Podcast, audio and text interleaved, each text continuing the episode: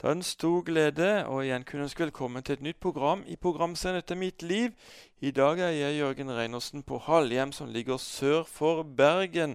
Kanskje Halhjem er kjent for sted for mange, siden E39 passerer her. Og det er Norges tredje travleste ferjestrekning, nemlig Halhjem-Sandvik-Våg. Så da det, har vi kanskje fått plassert for deg hvor dagens program spilles inn. Og jeg sitter her i hjemmet til Hans Christian Eide, som er dagens gjest. Velkommen som gjest i dette mitt liv, Hans Christian. Tusen takk. Du har en virkelig gripende og dramatisk livshistorie. Men la oss starte helt ifra begynnelsen av ditt liv. Eh, det starta i India? Ja, det gjør det. Eh, jeg kan jo ta det helt fra begynnelsen. Jeg, eh, jeg har aldri møtt min biologiske mor eller far. Det som er blitt fortalt, er det at jeg ble funnet oppi en liten uh, eske som var lagt ved siden av veien. Og har, de har sagt til meg at de tror at mine foreldre har lagt meg der for at jeg skulle bli funnet. Og det Jeg ble funnet av politiet, og jeg ble tatt med til et, et barnehjem. Dette er i Kochi i delstaten Kerala, helt sør-vest i India. Eh, Dette er jo langt tilbake på 70-tallet. Og eh, på den tiden så hadde Norge et fiskeriprosjekt der nede. Med å utvikle sånn fiskegarn. Nett. Så den gangen så var det noen venner av mine norske foreldre som var der nede. Og de var inne på dette barnehjemmet. Og så så de en liten herlig gutt, og det var meg. Og da tenkte de han her, han skal vi ta med hjem til Norge. Og etter en del måneder med advokater og papirer og sånn, så når jeg var seks måneder gammel, så fikk jeg sette meg på flyet til, til Norge. Til Norges flotteste by, Bergen. Og her har du vært siden? Det har jeg. Uh Ja, du må fortelle litt om barndommen din. Ja, jeg husker barndommen min med glede, egentlig. Jeg var eh, lykkelig. Jeg var glad, munter. Og hadde Jeg merket egentlig fra helt til i barnehagen at jeg Og dette ble kjent med, med barn, andre mennesker, det har alltid lagt veldig naturlig for meg. Jeg har aldri hatt problemer med å gå bort til vilt fremmede folk og bare begynne å prate. Og i barnehagen så merket jeg at jeg, mange ville leke med meg, og, og jeg, jeg syntes det var veldig kjekt å være sammen med andre barn. Og, ja, og allerede fra barnehagen så husker jeg at fotball, det var, det var store uh, Det var jeg opptatt av. Og allerede i barnehagen også husker jeg at jeg, jeg fikk min første kjæreste der. Så jeg merket jo fort at jenter, det var, det var noe som var jeg visste jeg kom til å bruke mye tid på. Du ville være med på søndagsskolen, men der var du ikke så veldig velkommen. Nei, altså jeg, Det som var litt utfordringen for meg når jeg var liten, det var det at jeg, jeg var veldig aktiv. Jeg hadde nok eh, litt problemer med å sitte i ro og, og, konsentrere meg. Og jeg husker første gangen jeg ble invitert på søndagsskolen, så kjente jeg at dette, dette gleder jeg meg til. Men jeg merket jo veldig fort at her skulle vi sitte veldig mye i ro og sånn. Og jeg var veldig urolig. Hadde pro problemer med å sitte i ro. Så jeg husker jo det at når vi var ferdig første gangen, så fikk jeg bare beskjed at uh, når vi var ferdig, så tok de meg til side. Så sa de det at uh, ja, hvis jeg helst at ikke du kommer her flere ganger, fordi at uh, du klarer jo ikke å være rolig og følge med og det blir litt mye roping og skriking og løping. Så ja, jeg tror du må finne deg noe annet.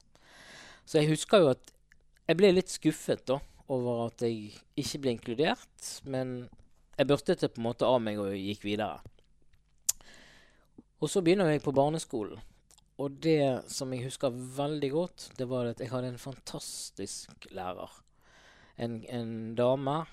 Snill, flink og hun var tydelig på at hun, hun var glad i Jesus.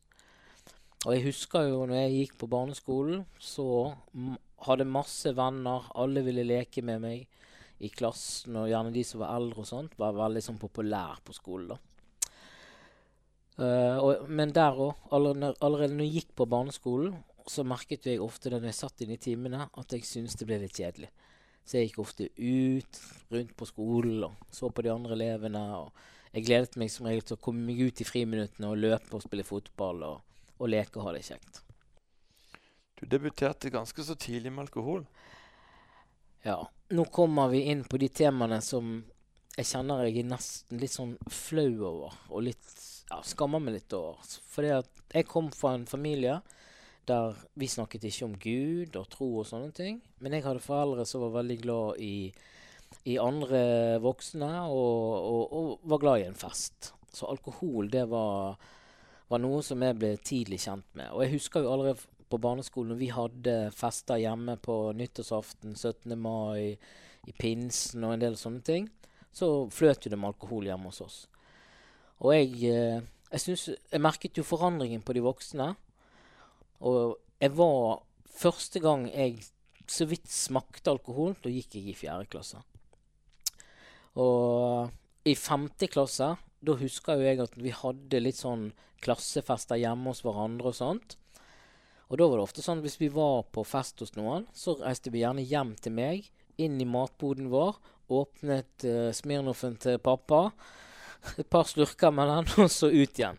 Og det var jo ikke bra, da. Sånn. Så jeg uh, Men, men så ut og sykle litt, gå inn igjen på disse festene og sånt. Og jeg merket at det var noe med det der så Det fenget meg litt. Det var et eller annet. Og jeg husker spesielt den gangen så gikk jo vi på barneskolen fra første til sjette klasse. Og vi visste jo det at når vi var ferdig i sjette klasse, så skulle vi bytte skole. Så vi hadde, Da var det A, B og C-klasse, og vi skulle ha sånn avslutningsfest i sjette klasse. Og når jeg kom til døren da, så fikk jeg pent beskjed om at uh, Beklager, Hans Christian, du får ikke komme inn. Og jeg liksom, ja, hvorfor ikke det? Så sier de at uh, vi både ser og lukter at du har drukket mye alkohol. Så du kan dessverre ikke komme igjen, inn. Så det var jo egentlig litt kjedelig egentlig ikke å få komme inn. Men jeg var jo ikke edru heller, så jeg husker det ikke så veldig godt. Men jeg husker det gjorde noe med meg. Uh, og allerede den gangen så var jo jeg begynt å når jeg gikk i sjette klasse, var jeg begynt å være med de som gikk på ungdomsskolen. Sånn, så jeg ble jo invitert litt på fester og sånn. Og det er egentlig litt Altså allerede når jeg går på ungdomsskolen, så merker jeg jo det at hver helg så blir det nesten drikking og festing. Og det var sånn når jeg satt på skolen allerede på ungdomsskolen i hverdagen, gjerne mandag og tirsdag, så satt jeg åh, nå kjeder jeg meg, men jeg gleder meg til helg. Da skal det drikkes, da skal det festes og alt dette her. Og jeg hadde jo en opplevelse på ungdomsskolen som gjør at egentlig hele livet mitt blir totalt forvandlet. Jeg går i jeg tror i begynnelsen av åttende klasse. Det året jeg skal konfirmere meg, så kommer min far hjem en dag. Og så sier han bare det Hans Christian, kan vi reise ned i båten? Jeg må snakke med deg. Jeg skjønte jo ingenting ble med ned i båten, og han blir veldig rar. Begynner nesten å grine og sier at han har noe viktig å fortelle meg. Og i løpet av samtalen så kommer det frem det at han har møtt en uh, ny dame og har, velger å gå, ta ut skilsmisse, gå fra min mor. Og jeg husker jeg hadde litt blandede følelser, for jeg visste det at da får jeg kanskje to nye brødre. Det blir litt spennende. Samtidig som jeg så min mor, hvor knust hun ble, så skjønte jeg at dette er jo ikke bra. Og da ble jo min måte å takle det på, det ble jo bare at det ble enda mer drikking. Og jeg ble, jeg ble veldig sånn aggressiv på skolen. Jeg sloss med lærerne, medelever. Og ja, det var, det var, det var en tøff tid. Hans Christian, jeg sitter og tenker på det Du, eh, du ble funnet i eske på, på, søndagsskolen så, så, kom du ikke inn. Det, det ble du også avvist, og så ble du avvist det, på denne festen. Eh, og i tillegg nå så kommer din far, og så sier han at eh, han eh, ja, på en måte avviser det, han også. Hva følte du sjøl? Nei, det var jo da jeg begynte virkelig å bli fortvilet. Jeg ble skuffet. sant? Jeg følte alltid at ting gikk imot meg. Og og, og, jeg tok det nok veldig veldig tungt at han forlot oss.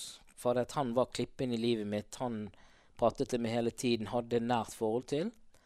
Og når han da forsvant, så ble jeg eh, veldig, veldig fortvilet. Og jeg hadde liksom to måter å takle det på. Det var dette i forhold til rus, der det ble bare mer og mer drikking. Og så var jeg veldig opptatt av at OK, nå handler det om å trene. For nå har jeg setter der med et mål, og det er å bli kaptein på laget, og at vårt fotballag skal vinne serien. Så jeg la jo ned masse tid med egentrening. Jeg løp på fjellet. Jeg kunne stå i flere timer etter treningene og bare stå og skyte på mål og sånn. Og jeg, jeg satte meg kjempehøye mål. Og jeg, det jeg husker, det er jo det at når sesongen er ferdig, og vi har vunnet serien, og jeg tar imot pokalen og medaljen Dette kommer jeg aldri til å glemme. Og når jeg får disse to tingene, så, så står jeg bare og tenker Er dette alt? Her har jeg lagt ned så vanvittig mye tid og arbeid. Og når jeg får på en måte belønningen, så bare kjenner jeg på en enorm tomhet. Og jeg, jeg, jeg, var rett og slett skuffet. Jeg ble så lei meg. Og da, frem til da, så hadde jeg vært veldig tydelig på at jeg tar fullstendig av, avstand fra narkotika. Men da begynte jeg bare å tenke. Kanskje jeg skal prøve å røyke hasj, da. Jeg har hørt mange har snakket om det. Og det var jo det dårligste og dummeste valget jeg noen gang har tatt. Ja, for det ender som regel ikke med hasj. Det begynner med hasj. Mm, det er det det gjør. Så det det, det begynte med, var jo bare at jeg, jeg var på en fest sammen med noen venner. Og allerede når jeg tok den første pipen, jeg, så kjente jeg at her skjer det et eller annet med meg som gjør at jeg på en måte kan flykte fra virkeligheten. Så når jeg gikk på gymnaset, da Da begynte jeg å røyke hasj. Og, det, og, det, og, det, og, på den tiden så var det ikke så veldig mange som gjorde det. Så det var sånn at du måtte kjenne noen spesielle, og så må du på en måte bli komme inn i, hjem til de, og så skulle de godkjenne deg eller ikke. Og da var jo det sant, at jeg opplevde da at når jeg kom hjem denne, i denne leiligheten der det var hasj, så, sa jo disse to brødrene det at uh, han her, uh, fyren her, han kan få komme hjem, men ingen andre. Og da hadde jeg på en måte fått en åpen vei inn i det miljøet. Så jeg begynte jo å selge til kameratene mine, for jeg skjønte jo at jeg, dette var dyrt, og det tok ikke lang tid før jeg begynte å selge hasj. Og jeg merket at alt sånn som jeg hadde vært før, det forandret seg veldig fort. Jeg brydde meg ikke. Jeg var stygg med min mor, de rundt meg. Og det eneste jeg begynte å bli opptatt av, det var hele tiden at jeg måtte ha hasj, og jeg måtte ha penger.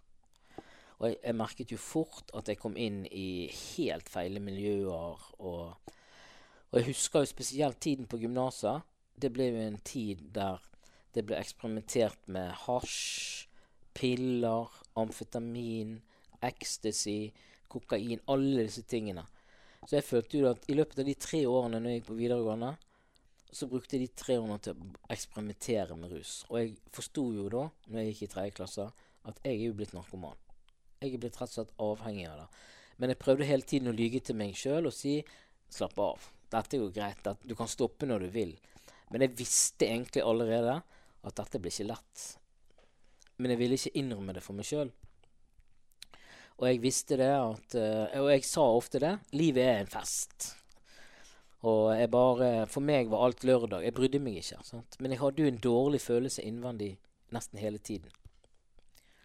Men jeg uh, Jeg visste ikke. Og jeg, jeg bare la humla suse. Bare latt alt bare gå. Men jeg visste jo at en dag så kommer dette til å gå alvorlig galt. Kjære lytter, du hører på programserien 'Dette er mitt liv'. Mitt navn er Jørgen Reinertsen. Og det er Hans Christian Eide som er dagens gjest. Eh, Hans Christian, du fikk eh, i denne perioden eh, en melding om at du, du vil snart få besøk av politiet, og da valgte du å flytte. Ja, da skjønte jeg at jeg kan ikke bo i Åsane lenger, så da tenkte jeg at jeg flytter inn til Bergen. Men jeg, visste, jeg skjønte jo det etter hvert. Nissen flytta jo med på lasset. Og jeg kjente jo at jeg var glad i narkotika. Jeg var veldig glad i fest. Jeg gikk på mye sånn rave-party. Og det var sånn i, i, i kjellere og tverrlokaler lokaler der vi samles veldig mye. Og på den tiden så var det ecstasy som var veldig in.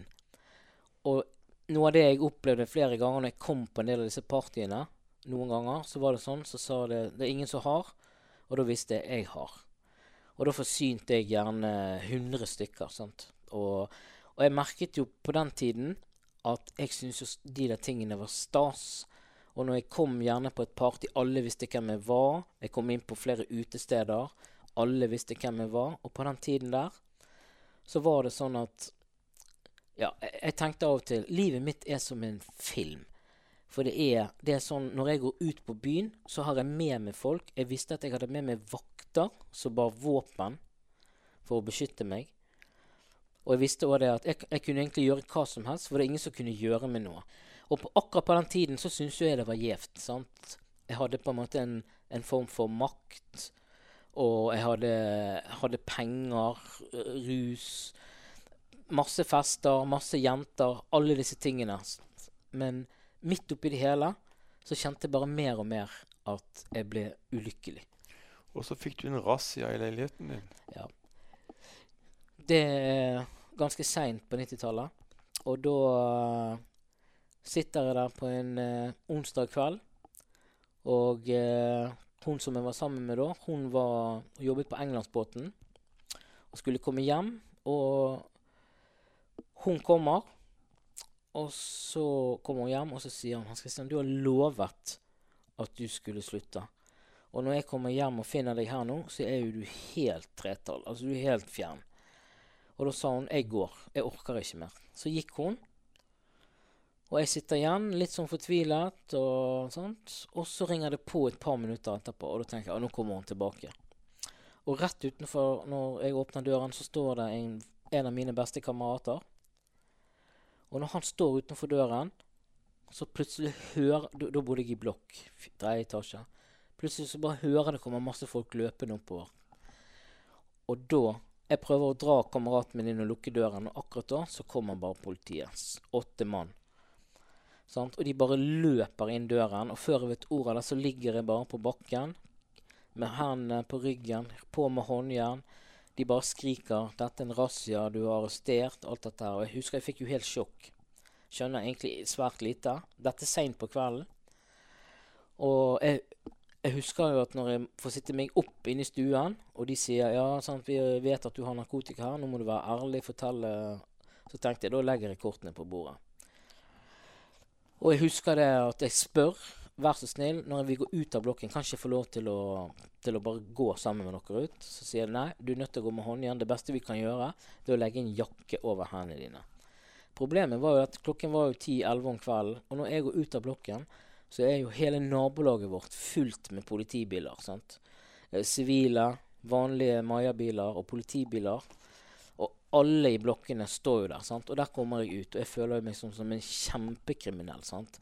To politimenn foran meg og to bak meg og rundt meg. Og jeg husker jo at jeg er helt fortvilet. sant? Og da var det rett på Bergen politikammer, rett i varetekt.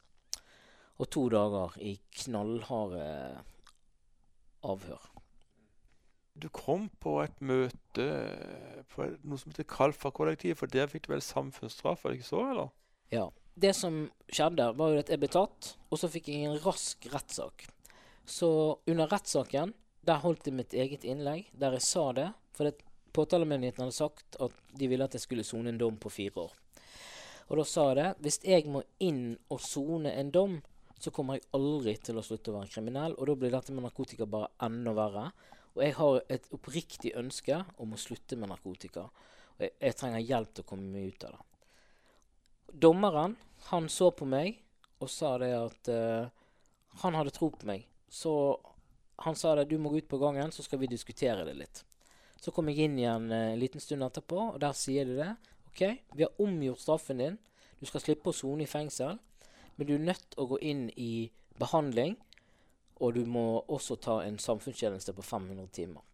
Og Da nevnte de forskjellige steder, og så sa de du kan få komme inn på Kalfa-kollektivet. Og Det er drevet av kristne. Og når de sa det, så hørte jeg bare min egen stemme si ja!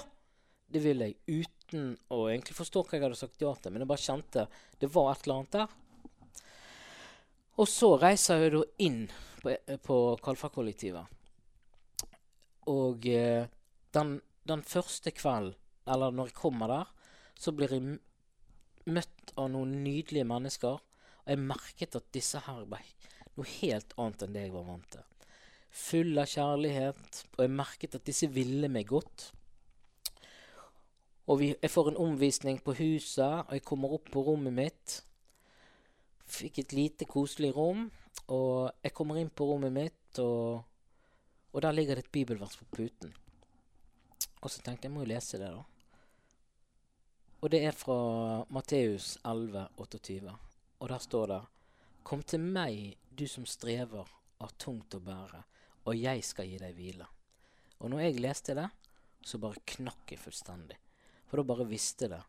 Hvile, normal alt. Jeg har rust meg så lenge at jeg har glemt hva det er. Jeg er så fortvilet og så langt nede, men akkurat nå så tror jeg at jeg kom på rett sted. For jeg husker jo det fra hun barneskolelæreren jeg hadde, som snakket om Jesus. Og jeg visste at det er noe med det navnet som kan, som kan være med å forandre noe i mitt liv. Så begynte jeg å gå på litt møter på, på fredagskveldene, på sånne ungdomsmøter i het Kristen Fellesskap. Og jeg sitter på møtet der en kveld helt bak og nynner med med musikken og syns det er flott. Plutselig så hører jeg en stemme som roper 'Hans Christian'. Og jeg snur meg og ser bak meg, og der er ingen mennesker bak meg. Og jeg snur meg igjen, og jeg har slitt med stemmer i hodet pga. rus, men denne stemmen var nesten som var hørbar, og det var sånn god, mild stemme. Og jeg hører navnet mitt igjen bli ropt, hans Christian, ønsker ikke du noe av det disse ungdommene har? Og når jeg gikk ut den kvelden, så tenkte jeg Finnes Gud? Nei, du er helt sprø, han gjør jo ikke det. Men da kjente jeg allerede det var et eller annet. Og så er det som er, er egentlig vendepunkt i livet mitt, på en måte. Det er to dager etterpå så blir jeg invitert på et søndags formiddagsmøte. Jeg var litt skeptisk, men jeg sa jo, greit, jeg skal prøve det. Jeg blir med. Kommer inn på møtet, og jeg merker bare pumpen begynner å gå. Jeg begynner å svette, blir nesten urolig, usikker på hva som skjer nå. Så går det fem minutter inn i møtet, så reiser det seg en mann opp i salen, går fram, så sier han 'Jeg har en beskjed'. Ja, dette må jeg få overbringe. Så sier han det. Det sitter en gutt her i salen som er veldig kalt av Gud. Og så begynner han å fortelle ting fra mitt liv som jeg aldri har delt med noen. Og når dette skjer, så kjenner jeg på en måte at jeg blir nesten livredd, for jeg begynner å lure på hvordan i all verdens rike kan disse menneskene vite dette om meg? Og det må jo være et eller annet med Gud, og da forsto jeg Gud fins. Og jeg begynte mer og mer å tenke ok, jeg må kanskje forandre på noe. Og jeg fikk høre dette her med bønn og Bibel, det var viktig. Jeg bladde litt i han og sånn, fikk ikke helt forståelsen. Men det var jo noe som var blitt plantet i meg. Men litt av problemet det var det at når jeg var ferdig med samfunnstjenesten, så skulle jeg egentlig bare hjem på en perm. Og så var jeg blitt forelsket i en jente på Kalfakollektivet. Og akkurat når jeg skulle gå, så snek hun seg ut, og så hun var med. Og det tragiske var at vi gikk rett ut i rus. Og måtte, jeg måtte ringe på Kalfakollektiv. Beklager, jeg har sprekt. Og de var ganske sur på meg. Men jeg la meg inn i behandling igjen. Avrusning. Men da sa jeg til min mor at OK, mamma, nå skal jeg slutte å ruse meg. Nå skal jeg ta meg sammen ut av Kalfakollektivet, inn igjen i leiligheten. Prøvde da, Men da var jeg litt sånn Nå skal jeg løfte meg etter håret, og jeg skal ta meg sammen. Jeg skal få dette til. Men jeg Kreftene i rusen var fremdeles så sterke, og jeg hadde fremdeles veldig mange mennesker som var i det. Så jeg, ja, jeg jobbet, hadde vanlig jobb og sånt, men jeg ruste meg. Og dette pågår jo da et par år, til at jeg sitter en kveld hjemme i leiligheten min og kjenner egentlig bare Nå har du rotet det skikkelig til igjen. Og så sitter jeg en kveld hjemme, zapper gjennom TV-kanalene. Plutselig så kommer jeg inn på en kanal som heter TV Visjon Norge. Og plutselig så bare føler jeg at når de sitter og snakker om Jesus og sånn på TV der, så føler jeg at nå, nå skjer det endelig et eller annet. Plutselig så står det bare et lys inn i stuen min og jeg kommer i syndenød. Jeg blir livredd. Og jeg husker jeg bare hiver meg ned på gulvet og sier, 'Gud, ja, nå nå vil jeg at du skal komme inn i mitt liv. Nå må du gjøre noe. Og jeg tror at den kvelden, da ble jeg frelst. Og jeg sto også og, og, og bablet i et språk som jeg ikke forsto. Jeg ble jo litt redd av det, men, og jeg skjønte ikke den gang hva det var for noe. Men det var da tingene virkelig begynte å forandre seg. Og da, og da skjønte jeg det. Jeg trenger hjelp. For det gikk ikke mange ukene. Da så jeg litt på denne kanalen, og da viste de fra noe som het Evangeliesenteret. Og da sitter jeg en kveld hjemme. Jeg bøyer mine kvær, knær, slår av TV. Så sier jeg det. 'Jesus, jeg vet at du fins. Og vær så snill, nå har jeg rotet i så mange år. Jeg trenger hjelp. Kan ikke du føre meg inn på Evangeliesenteret? En uke etterpå, da sitter jeg på toget til Oslo på vei til Evangeliesenteret. Og det var jo Ja, jeg vet ikke hvor jeg skal begynne engang, men det var helt fantastisk å få komme inn på Evangeliesenteret. Jeg fikk jo sjokk til å begynne med, for det var så mange folk der. Og jeg merket jo at her var jo alle veldig annerledes enn meg. Og jeg husker på den første samlingen jeg satt, da snakket de jo om bønn og Bibel og dette her. Og da tenkte jeg jeg kommer jo aldri til å åpne denne boken, jeg som aldri har likt å lese. Og alt virker jo fjernt, men jeg skal gi det en mulighet. Hadde to flotte bestyrerpar, og de utfordret meg til å komme og være med på bønnemøtene. Og til å begynne med så var jeg med på bønnemøtene. Jeg satt og så på, observerte litt på de andre. Jeg var litt sånn usikker på hvordan skal jeg sitte, hva skal jeg stå, hvordan skal jeg formulere meg og sånn. Og så sier bare han ene Hans Christian, hvis du har lyst til å bare takke Gud, så bare begynn med det. En enkelt setning. Og jeg husker på det første bønnemøtet når jeg sa Tusen takk, Jesus, for at du har frelst meg og gitt meg et nytt liv. Bare når jeg bekjente det med en åpen munn, så kjente jeg at noe skjedde i mitt hjerte. Og jeg bare merket mer og mer at det er viktig å gå på bønnemøter. Og jeg forsto mer og mer at dette med å lese Guds ord, lese Bibelen, det var det som kunne forandre sinnet mitt og tankene mine.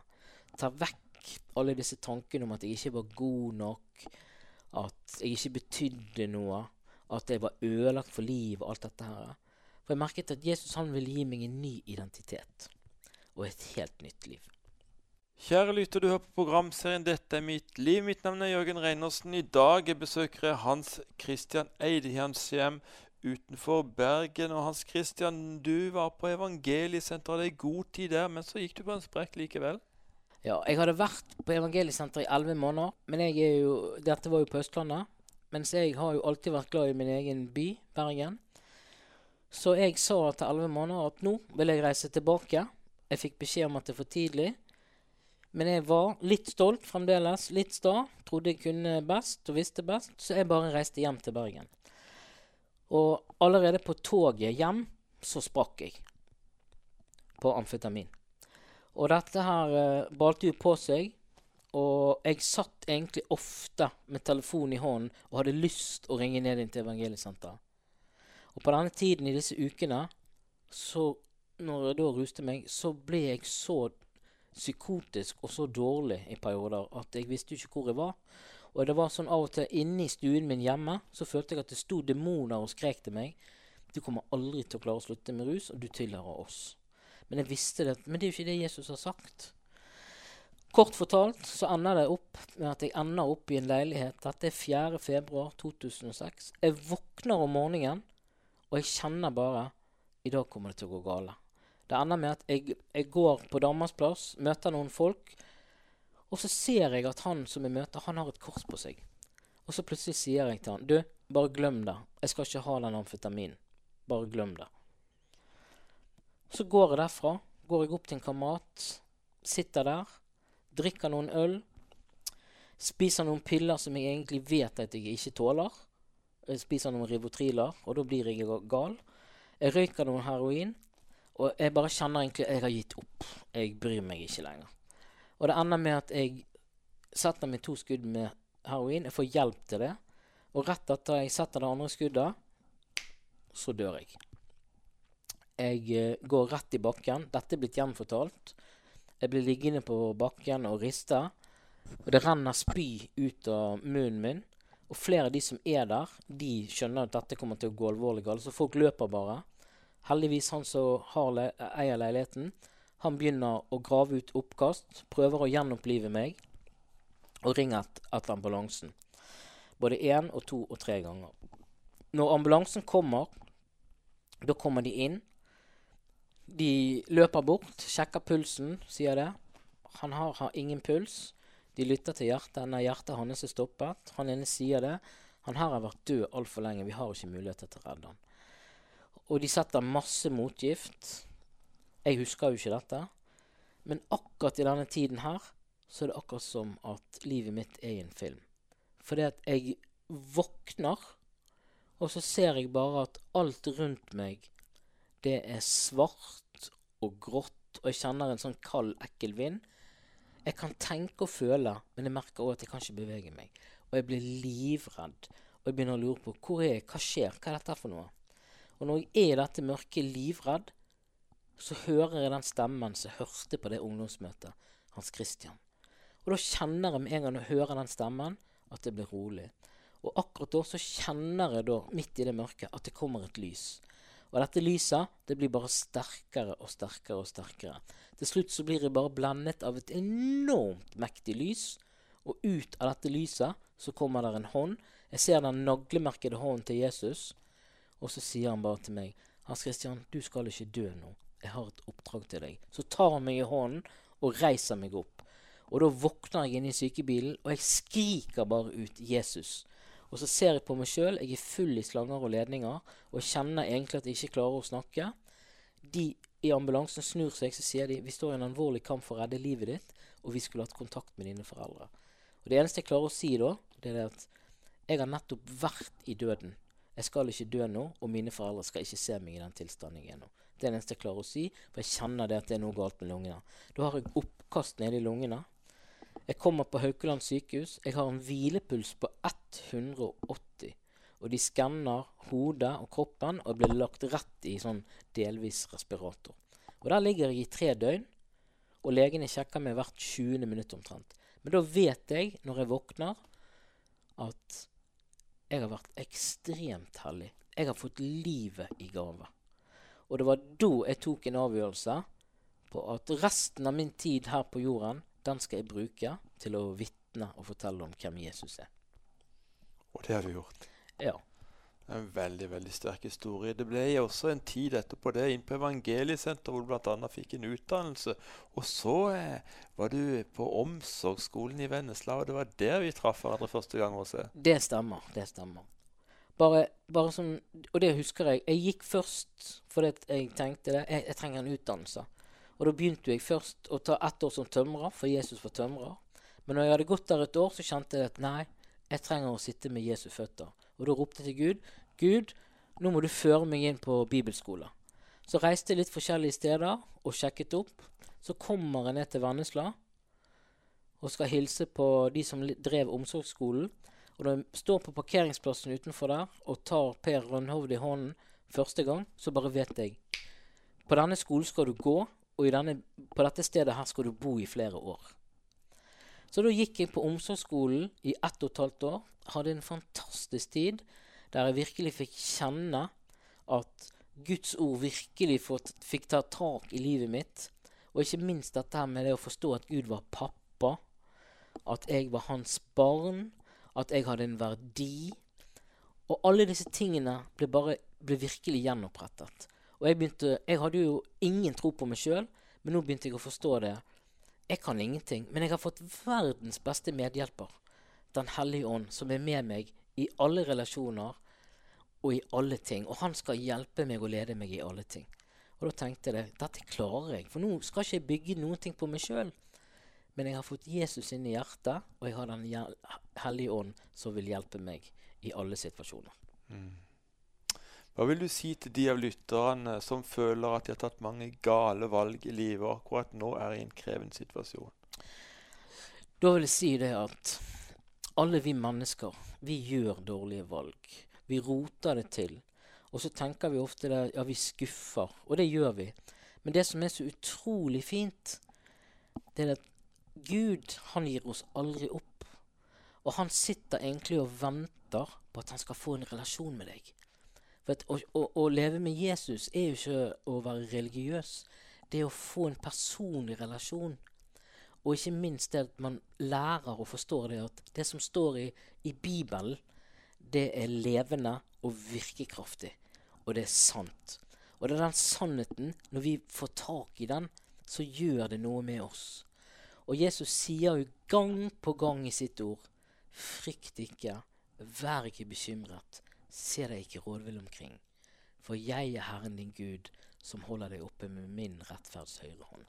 Og når vi hører disse ordene, så vet jo vi det. Uansett hva vi har gjort, uansett hvor gale det er, så kan vi komme til Gud. For at han vet det. Jeg slet jo veldig med dette til å begynne med, for jeg tenkte ofte Uff, jeg har gjort så mye gale at det er sikkert, det er sikkert for gale. Men etter hvert så forsto jeg det. Uansett hva du har gjort gale i ditt liv, så kan du komme til Jesus. Og så kan du få lov til å legge disse tingene fra deg ved korsets fot. For han vil aldri slå hånden av deg. Han vil aldri gi deg opp eller si 'nei, nei, nei, nå er det nok'. Han vil bare si 'jeg elsker deg, jeg vil være sammen med deg, og jeg skal hjelpe deg'. Så det beste du som lytter kan gjøre hvis du har problemer i livet ditt, søk Gud. Begynn å lese i Guds ord. Ta, prøv å få kontakt med en menighet. For noe av det jeg forsto når jeg var helt ny på veien, det var at jeg trengte et fellesskap. Jeg trengte mennesker som brydde seg, som ville være med og, og, og reise meg opp. Mennesker som ville tale i, vel inn i livet mitt. Og det trenger vi alle sammen. Mennesker som kan, kan hjelpe oss på vandringen. Vil du også be en bønn for lytterne? Ja. Himmelske Far, nå, nå ser du de som hører på, Herre. Du kjenner hvert ditt hjerte. Og nå bare ber jeg deg, Jesus, om at de som sliter og har det vanskelig, skal få kjenne at i dag er det dagen der de skal få lov til å komme til deg, få gi sitt liv til deg, og, og bare fullstendig få kjenne det at du, Jesus, skal få lov til å bli herre og mester i mitt liv. Og jeg vil legge ned mitt liv for å leve sammen med deg, Jesus. Så vil jeg at du, Jesus, skal ta fullstendig styring i livet mitt og være med meg skritt for skritt, dag for dag. Og takk, Herre, for at du skal føre meg fra mørket og inn i ditt underfulle lys. For dette livet med Jesus, det gjelder ikke bare for jorden, det gjelder for evigheten. For livet har to utganger. Enten kjenner du Gud, eller så kjenner du han ikke. Det er snakk om en evig fortapelse eller en evighet sammen med Gud. Og vær så snill at dette er ikke en lek eller en fantasi. Dette er helt alvor. Og vi er et evighetsskapning. Vi vil aldri dø. Men spørsmålet er hvor vil du tilbringe evigheten? Vekke fra Gud, der det ikke finnes noe godt, det er bare elendighet, eller sammen med Han som kjenner deg, som har skapt deg og ønsker samfunn med deg. Vær så snill, overgi ditt liv til Jesus. Du har ingenting å tape. Det er den desidert beste avslutningen jeg har gjort, og alle jeg kjenner, å gi sitt liv til Jesus. Ikke utsett det. I dag er dagen. Kom til Herren i Jesu navn. Amen. Amen, amen. Hans Christian Eide, hjertelig takk skal du ha for å være så åpent og delt fra ditt liv. Uansett hvor håpløst ting har sett ut, så har du fått hjelp, og det finnes faktisk håp for alle mennesker. Må Gud rikelig velsigne deg, eh, alt det du står i, og eh, hele din framtid i Jesu navn. Amen. Amen. Tusen takk. Ja, kjære lytter. Det har vært veldig gripende å lytte på Hans Christian sin livshistorie. Og på slutten oppfordret han på det sterkeste å gi ditt liv til Jesus.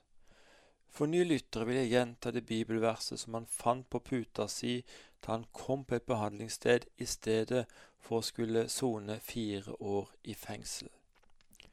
Kom til meg, alle som strever og har tungt å bære, og jeg vil gi dere hvile. Om du strever og ønsker å finne hvile og få fred med Gud, kan du be denne bønnen etter meg. Jesus, jeg kommer til deg nå slik som jeg er. Tilgi meg for mine synder. Jeg omvender meg og tar imot deg som min Herre og Frelser i livet. Takk, Gud, at jeg nå er ditt barn, fordi ditt ord sier det. Vi vil veldig gjerne komme i kontakt med deg som ba denne bønnen, slik at vi kan sende deg en gratis bokpakke. Du finner meg, Jørgen Reinersen, på Facebook, eller så kan du søke opp vår hjemmeside for å finne informasjon. Det er 9010.no. Dette staves slik nitti10.no. Her er det også flere episoder i denne serien, samt mange timer med filmopptak fra våre arrangementer. Neste uke er vi igjen på denne kanalen på samme tid med en ny gjest som deler sin unike livshistorie. Inviter gjerne noen til å lytte sammen med deg. Vi tror det kan bli veldig gode og viktige samtaler etter disse programmene. Husk, kjære lytter, du er høyt elsket, du er unik, det finnes bare én som deg. Vi takker for i dag og ønsker deg det beste av alt Guds velsignelse.